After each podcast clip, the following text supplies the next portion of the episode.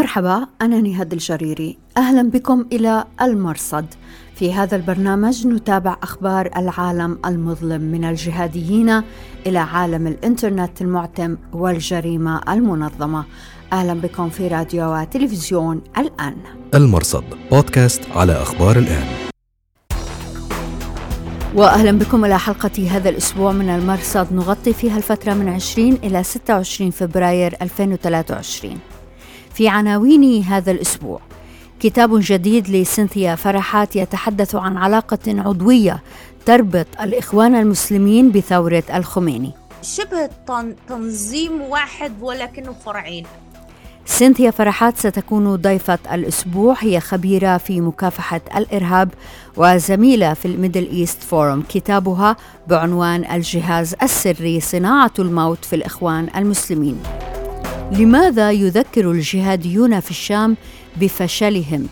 فك الارتباط وتراجع القاعدة في الشام من المسؤول؟ وهل تتحضر هيئة تحرير الشام إلى إعلانها حاكما فعليا في شمال سوريا؟ للتواصل مع البرنامج يرجى الكتابة إلى نهاد جريري على تويتر وتليجرام وفيسبوك أو ترك رسالة في زاوية التعليق على رابط هذه الحلقة. وبإمكانكم الرجوع إلى نص هذه الحلقة في أخبار الآن دوت نت. المرصد. بودكاست على أخبار الآن. أهلا بكم من جديد في أخبار الآن. مع اتساع الجدل حول احتمال أن يكون سيف العدل الزعيم التالي لتنظيم القاعدة بالنظر إلى علاقته الإيرانية يحاول جهاديون التقليل من هذا الأثر الإيراني باستدعاء حكم الضرورة والعدو المشترك أمريكا. لكن سلوك تنظيم القاعدة في منطقة حيوية تتقاطع مع النفوذ الإيراني مثل اليمن يظهر أن نتيجة أفعال القاعدة تخدم إيران حصرا.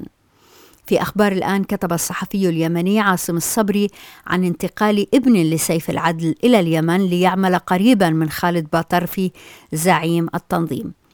العلاقة بين القاعدة وإيران من خلال سيف العدل موثقة في سلسلة متلازمة طهران التي يمكن الاستماع إليها الآن بودكاست على أخبار الآن. وستكون لنا بعد قليل وقفة مع الأستاذة سينثيا فرحات عن العلاقة المتجذرة بين التنظيم الأم للقاعدة جماعة الإخوان المسلمين ونظام الملالي في طهران. بعد قليل فابقوا معنا لطفا. المرصد بودكاست على أخبار الآن. نشر أنصار القاعدة على التليجرام ملخصا لما ورد في كتاب شذرات من تاريخ القاعدة للقيادي في قاعدة اليمن خبيب السوداني والصادر في سبتمبر 2021 الملخص بعنوان دعوات فك الارتباط يتحدث عن انشقاق داعش وجبهة النصرة هيئة تحرير الشام حاليا. نقرأ في الملخص أن القاعدة هي راعية الجهاد في العالم لكن رغم ذلك لم تستطع أن تكسب جميع الجماعات الجهادية إلى صفها وفي هذا علامة استفهام. فنقرأ أن دعوة أسامة بن لادن رغم قوة حجيتها بتوحيد الجهود لمواجهة أمريكا لم تلقى آذانا صاغية بل والأدهى من ذلك أن صار بعض المحسوبين على الجهاد يدعون أفرع القاعدة إلى فك ارتباطها بالقاعدة. وهنا نأتي إلى مربط الفرس. المراد من هذا المختصر هو أن المجتمع الدولي يسعى إلى زرع خلافات بين القاعدة المركزية والتنظيمات القطرية أو الفرعية بحيث يسلخها عن حاضنتها الشعبية بدعوى فك الارتباط. بدليل ما وقع في العراق والشام وتحديدا مع جبهة النصرة النسخة الأولى من هيئة تحرير الشام. في 2016 أعلنت جبهة النصرة فك الارتباط التنظيمي مع القاعدة واتخذت مسمى جبهة فتح الشام ما أدى في نهاية الأمر إلى انحسار القاعدة في الشام ممثلة بتنظيم حراس الدين. المشكلة في هذه السردية هو أنها ترد تراجع القاعدة إلى فك الارتباط باعتباره خيانة أو عمالة وهذا ليس دقيقا تراجع القاعدة في العراق والشام جاء لسوء إدارة وخلل بنيوي يتكرر مع هذه التنظيمات الجهادية. فإذا عدنا إلى الانقلاب الأول على القاعدة الذي قاده داعش سنجد أن زعيم القاعدة أيمن الظواهري مسؤول عن جزء كبير من التناحر الذي وقع عندما انحاز إلى الجولاني زعيم جبهة النصرة آنذاك على حساب أبي بكر البغدادي زعيم القاعدة في العراق بالرغم من أن الجولاني كان تابعا للبغدادي. أما الانقلاب الثاني الذي قاده الجولاني وهو ما عرف بفك الارتباط فقد شابه لغط وتخبط. على سبيل المثال نجد أن منظر الجهادية هاني السباعي لم يرى في فك الارتباط في ذلك الوقت مشكلة بحسب الرواية التي فهمها وهو رجل يفترض به أن يكون مطلعا كما جاء في خطبة جمعة في يوليو 2016 فهنا رعاية للمصالح. اتفق الطرفان يعني اللذان عقدا العقد في التحلل من البيعة.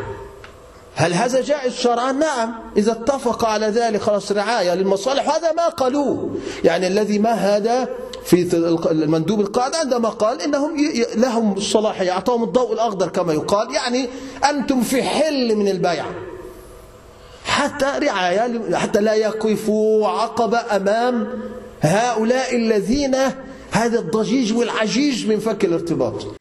وسنجد الشيء ذاته إذا عدنا إلى شهادة أبي القسام الأردني خالد العروري صهر الزرقاوي الذي كان عاد توا من إيران. نفهم أنه في البداية وافق رجالات القاعدة في الشام على فك الارتباط وكانوا يعتبرون أنهم كفرع لهم صلاحية لاتخاذ قرار حل البيعة نظرا لتعذر التواصل مع المركز في ذلك الوقت. ظل الحال كذلك إلى أن وصلهم خبر أن التواصل كان ممكنا. وهنا جاءت إشكالية أخرى. فمن كان المعني بالتواصل مع المركز الظواهري وسيف العدل؟ وإلى من كانت ترد الرسائل والردود؟ وأين موقع رجالات القاعدة في الشام من هذا التواصل؟ وليذكر أنصار القاعدة أيضا أنه بعد هذا التاريخ تشكل تنظيم حراس الدين في 2018 وظل يتعاون مع الهيئة رغم كل شيء. ما قاد إلى انشقاق كبير تزعمه شخوص مثل أبي ذر المصري وأبي يحيى الجزائري.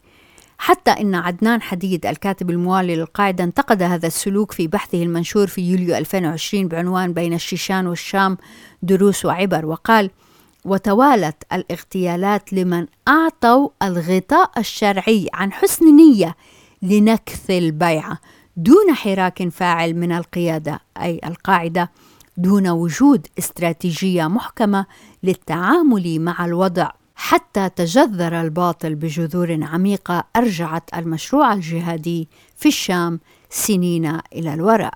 المرصد بودكاست على أخبار الآن. بالرغم من انشغال العالم بتبعات زلزال 6 فبراير توجهت هيئة تحرير الشام مجددا إلى الشمال حيث المناطق الخاضعة نظريا لسيطرة الجيش الوطني السوري التابع للمعارضة المدعومة من تركيا. في 24 فبراير وردت أنباء أن قوات تابعة للهيئة اقتحمت معسكر الطلائع في كفر جنة في ريف حلب الشمالي ما استدعى استنفارا في الفيلق الثالث التابع للوطني. إلا أن بقائهم لم يطل حيث تواترت أنباء عن أن تركيا طلبت منهم الانسحاب فانحازوا. اليوم التالي إلى عفرين التي يبدو أنهم لم يغادروها قط بعد مغامرة الصيف العام الماضي. المعارض عصام خطيب وصف استجابة الهيئة للأوامر التركية بتعال تعال روح روح. وهنا لفتت تغريدة لعلاء فحام أبو العز أريحة القيادي في الفيلق الثالث. كتب بالإنجليزية أن الهيئة باتت تسيطر على جنديرس وعفرين وأنهم سيتصرفون حيال الأكراد والأقليات في المنطقة كما تصرف معهم داعش بالإعتداء والخطف. وأضاف هذا القيادي المنشق عن حركة إحرار الشام فرح حسن صوفان الموالي للهيئة وقال الحية يقصد هيئة تحرير الشام لا تستطيع أن تخفي سمها وهذا هو ما ينتظر سكان جنديرس وعفرين تحت سيطرة الهيئة. من الردود على تغريدة فحام كتب متابع يبدو قرب الكنس بالإشارة إلى احتمال أن تخلو المنطقة للهيئة. فيما تساءل آخر ساخرا إن كان يفهم من التغريدة أن وضع الأكراد اليوم في مناطق الجيش الوطني أفضل حالا مما سيكون عليه تحت سيطرة الهيئة. المرصد بودكاست على أخبار الآن. المهم أنه سبق هذه الحملة تشكل تجمع عسكري جديد في مناطق درع الفرات وغصن الزيتون. في 3 فبراير أعلن عن تشكل تجمع الشهباء العسكري من كتائب انشقت عن لواء عاصفة الشمال المنضوية تحت الفيلق الثالث وتحديدا الجبهة الشامية. هؤلاء هم أحرار التوحيد بزعامة حسين العساف حجة الرفعت وجزء من حركة نور الدين زنكي بزعامة أحمد رزق وجزء من القطاع الشرقي لأحرار الشام. في بيان الإعلان ظهر ممثلو الكتائب الثلاثة وخلفهم لوحة كتب عليها الجيش الوطني السوري. لكن الجيش الوطني نفى الاعتراف بالتجمع كما نفى الصلة بهم شق أحرار الشام الذي يقوده أبو سليمان الحموي المعارض لهيئة تحرير الشام. أما معرفات الجبهة الشامية فوصفت التشكيل الجديد بأنه حصان طروادة جديد يسرجه الجولاني. المرصد بودكاست على أخبار الآن. منتصف فبراير كان قاسيا على داعش في شمال سوريا إذ نجح التحالف في استهداف خلايا التنظيم بالقتل والأسر. خلال أيام أعلن عن أسر المدعو بتار وقتل إبراهيم القحطاني وأبي حمزة الحمصي وهذا الأخير وصف بأنه قيادي في ولاية الشام. لكن صحيفة النبأ الصادرة عن ديوان الإعلام المركزي في التنظيم في عددها 379 الصادر يوم الخميس 23 فبراير رأت أن تتحدث حصرا عن الحمصي فتنفي أن يكون الرجل قياديا وتصفه بالجندي مكذبة البيان الأمريكي فلماذا تفرد النبأ هذه الزاوية لنفي هوية الحمصي؟ حساب قناة فضع عباد البغدادي والهاشمي المتخصص في كشف خبايا التنظيم يرى أن ثمة اختراقات عميقة في كيان التنظيم وجهازه الأمني بالنظر إلى هذه الاستهدافات الأخيرة. وقال نكاد نجزم أن ما يقلق الأمراء هذه الأيام هو جاهزية المعتقلين للإدلاء بالإعترافات عن عملهم في التنظيم وعن أمرائهم وتكليفاتهم. لكنهم توقفوا عند كلام النبأ وعلقوا ما لم ينتبه له كاتب مقال النبأ. هو أن تكذيب الرواية الأمريكية حول هذه العملية تحديدا دون غيرها هو في حد ذاته تأكيد لكل الروايات التي نشرتها أمريكا حول هويات وحيثيات مقتل العديد من قادة التنظيم. ونذكر على سبيل المثال حج تيسير والأخوين ماهر وفايز العقال مرورا بعبد الله قرداش وانتهاء بسيف بغداد فلماذا تكذيب هذا والسكوت عما سلفها؟ المرصد بودكاست على أخبار الآن. أهلا بكم مرة أخرى في أخبار الآن. نرحب هذا الأسبوع بالأستاذة سينثيا فرحات الخبيرة في مكافحة الإرهاب والزميلة في ال Middle East Forum منتدى الشرق الأوسط. صدر لها العام الماضي كتاب الجهاز السري صناعة الموت في الإخوان المسلمين وهذا الكتاب بالإنجليزية. هو كتاب استغرقها 23 عاما من البحث واعتمدت فيه على وثائق تم الإفراج عنها بعد ثورة 2011 في مصر. شكرا جزيلا لوجودك معنا في البرنامج أستاذة سينثيا. شكرا يا فندم شكرا لاستضافتي. أستاذ سينثيا إذا عنوان الكتاب مرعب حقيقة. لهذه الدرجة وصل الأمر؟ أن نتحدث عن جماعة الإخوان المسلمين بهذه الكلمات والمفاهيم وهم وصلوا إلى الحكم في مصر وصلوا إلى الحكم في تونس وفي غيرها. لهذه الدرجة؟ آه أنا آه آه تعمدت أن أنا أقتبس لفظ هذه الألفاظ في عنوان الكتاب من جماعة الإخوان أنفسهم. آه عنوان آه الجهاز السري. آه هذا ما ده, ده هذا هو اللقب اللي بيطلقونه على التنظيم الإرهابي داخل الجماعة. آه صناعة الموت لدى جماعة الإخوان المسلمين. هذا اللفظ حرفا هو اللي بيطلقوه على مشروعهم. حسن البنا قال إن هو بيؤسس صناعة موت. فالألفاظ شنيعة ولكنها مقتبسة منهم. آه و وأنا تعمدت في كتابة هذا الكتاب إن أنا أحط فصل حاد جدا بين آرائي وبين الحقائق. وعندما أقول حقائق هي كلها معلومات معتمدة من مصادر الإخوان أنفسهم. من فإذا كانت خطاباتهم إذا كانت آه آه لقاءاتهم التلفزيونية إذا كانت كتبهم. أنا لمدة 23 عام قرأت تقريبا كل شيء كتبوه. بدراسة رهيبة. كنت في أيام كنت أقرأ لمدة 12 ساعة في اليوم. فذاكرت كافة أدبياتهم واعتمدت بشكل شبه كامل. على مصادرهم الخاصة المعتمدة. أستاذة فرحات كتابك إذا هو جهد 23 سنة. آه، في الفصول الأولى من الكتاب تعودي إلى أصل الجماعة وعلاقتها بالنظام الإيراني كما نعرفه اليوم أي إرث ثورة الخميني. هل ممكن أن تحدثينا أكثر عن هذه العلاقة العدوية كما تصفينها في الكتاب؟ نعم يا فندم. آه، علاقة آه، الإخوان المسلمين مع النظام الإيراني كما نراه اليوم بدأت قبل الثورة الإيرانية بكثير. آه الأستاذ ثروت الخرباوي في إحدى كتبه يعني نشر وثيقة بتبين أن روح الله خميني زار حسن البنا في مكتبه عام 1938 وده كان آه بداية العلاقة. وأيضا كان آه لهم علاقة بالتنظيم الإرهابي القديم فدائيين الإسلام.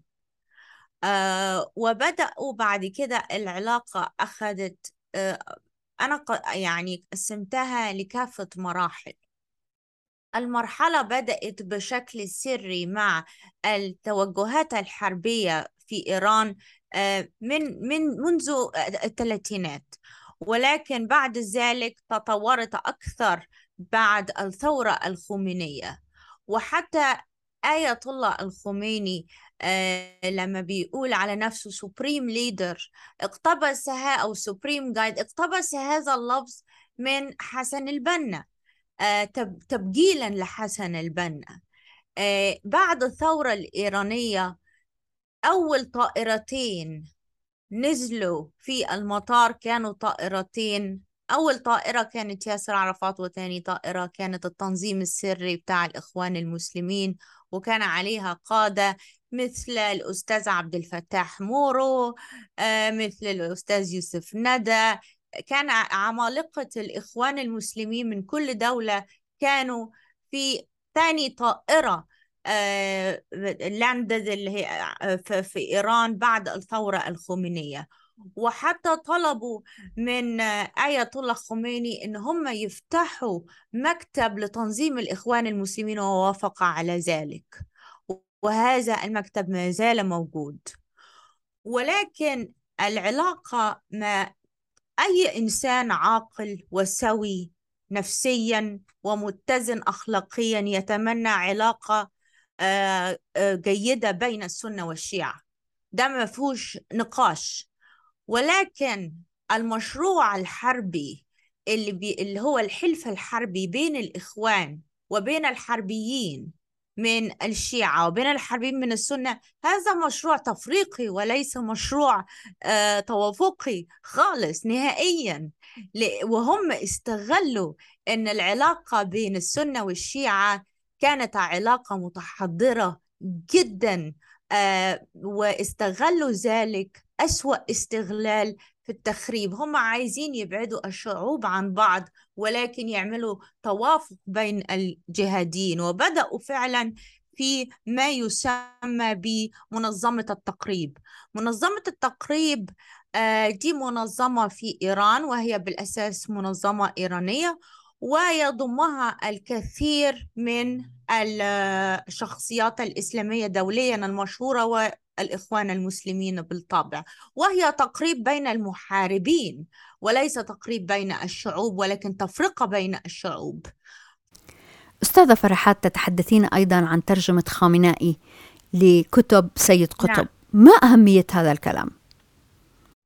هذا هذا في منتهى الخطورة وهذا يدل على أن أنا أن هم يعني شبه تنظيم واحد ولكنه فرعين. أنا ما بنظرش لجماعة الإخوان المسلمين على إنها منفصلة بشكل كامل عن إيران. الإخوان المسلمين عندما كان في حرب بين صدام حسين وإيران قالوا الثورة الخمينية والثورة الإسلامية هي ثورتنا نحن. إخوان قالوا كده على ثورة الخميني وعلى الثورة الإسلامية وكانوا في صف إيران. ولذلك آه، لما يأتي شخص مثل السيد علي خامنئي ويترجم كتابين لسيد قطب آه، من اللغة العربية إلى اللغة الفارسية ده شيء آه، يجب توقعه لأن هم مندمجين أيديولوجيا بشكل رهيب ومتفقين على معظم الأشياء الاختلافات آه، يعني ضئيلة جدا. وفعلا أقر أن الحرس الثوري يدرس كتب سيد قطب. الحرس الثوري الإيراني يدرس سيد قطب والإخوان المسلمين يدرسون كتاب الخميني تاع الحكومة الإسلامية.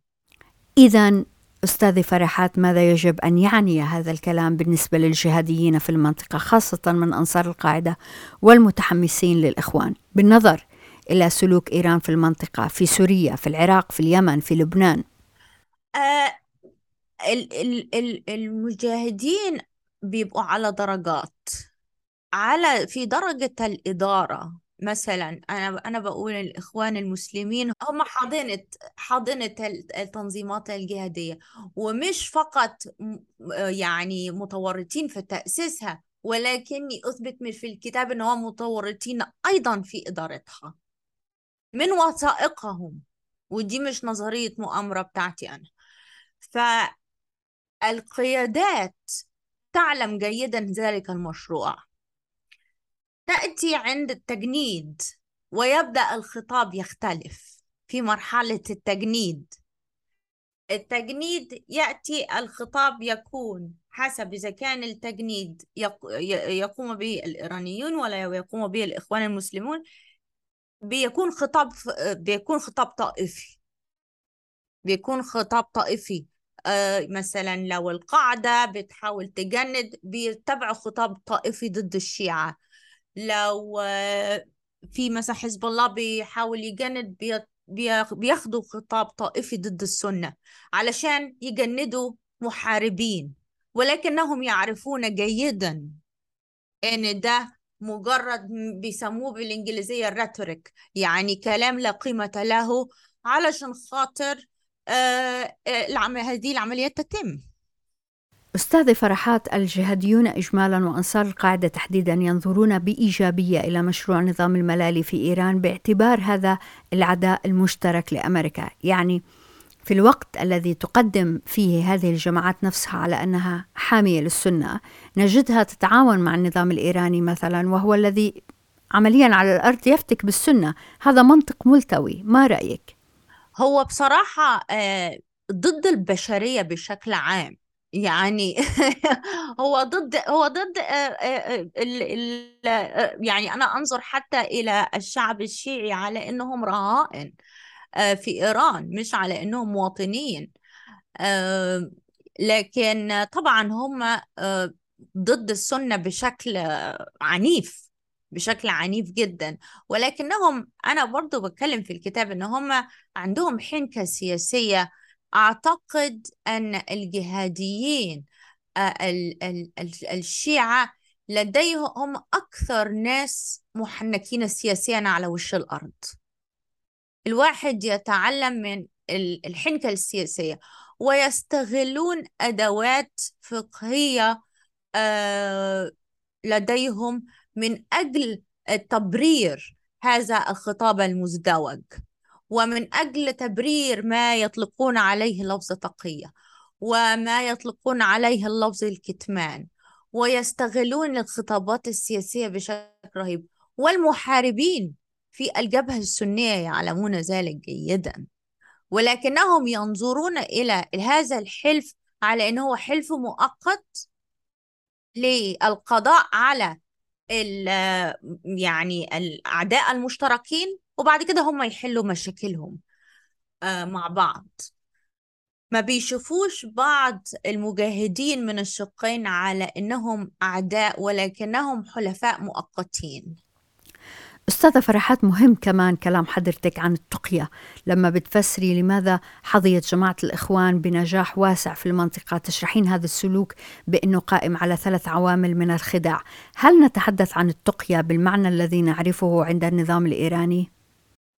بالضبط هم فعلا آه، آه، قالوا آه، إحدى قيادات الإخوان قال إن هم لا يستطيعوا إكمال مشروعهم بدون التقية والكتمان. هم استغ... است... بدأوا يستغلوا في الفقه فقه الإخوان المسلمين لفظ الكتمان بدل التقية علشان خاطر في مرحلة التجنيد محاربين ما يكونوش بيستخدموا ألفاظ شبيهة بالشق ال- المحاربين لدى محاربين من الشيعة. فهم يستخدمون لفظ الكتمان. آه وده شيء آه أيضا تعلموه ليس فقط من الشيعة وليس فقط من جماعة الحشاشين ولكنهم كانوا متأثرين بشكل بشكل رهيب جدا بالجمعيات السرية كانت يعني آه، منتشرة بشكل رهيب في الشرق الأوسط في العالم كله في ذلك الوقت. وكانوا أيضا استلهمهم آه، النظام بتاع جوزيف ستالين في الاتحاد السوفيتي. أيضا لدى الاتحاد السوفيتي مثلا حتى كلمة كلمة مؤامرة في اللغة الروسية ليست لديها دلالات سلبية مثلما لديها دلالات سلبية عندنا في العربي أو في الإنجليزي ولكن لها لكنها كلمة تحمل دلالات إيجابية. والإخوان أنفسهم آه قالوا إن هم تأثروا بالنظام بتاع جوزيف ستالين ده. حتى لفظ الجهاز السري مقتبس من الجهاز السري بتاع جوزيف ستالين. لفظ المكتب العام بتاع الإخوان المسلمين أيضا مقتبس. الهيكلية الداخلية كلها مقتبسة من جوزيف ستالين واللي كان بيحرض دوما على السرية وكان دايما يقول لو هتعملوا حزب أو هتعملوا مجموعة لازم يبقى لها وجهة علنية وجهة سياسية ولازم يبقى لها وجهة حربية مستترة. فهو كان في كذا مؤثر على آه، الإخوان المسلمين علشان يبقى عندهم آم، هيكلية شبه دولة. يعني أنا لا أنظر لهم على إنهم جماعة ولكني أنظر لهم على إنهم شبه دولة. لديهم آه، مكتب آه، لديهم مكتب سياسي مكتب إعلامي مكتب استخباراتي آه، مكتب للأطفال مكتب للمراهقين. يعني دولة دولة داخل دولة. ليست منظمة فحسب. الأستاذة سينثيا فرحات شكرا جزيلا لوجودك معنا. ربنا يحفظك. ألف شكر. شكرا. وشكرا جزيلا لوجودكم معنا في أخبار الآن. أنا نهاد الجريري مع السلامة. المرصد بودكاست على أخبار الآن.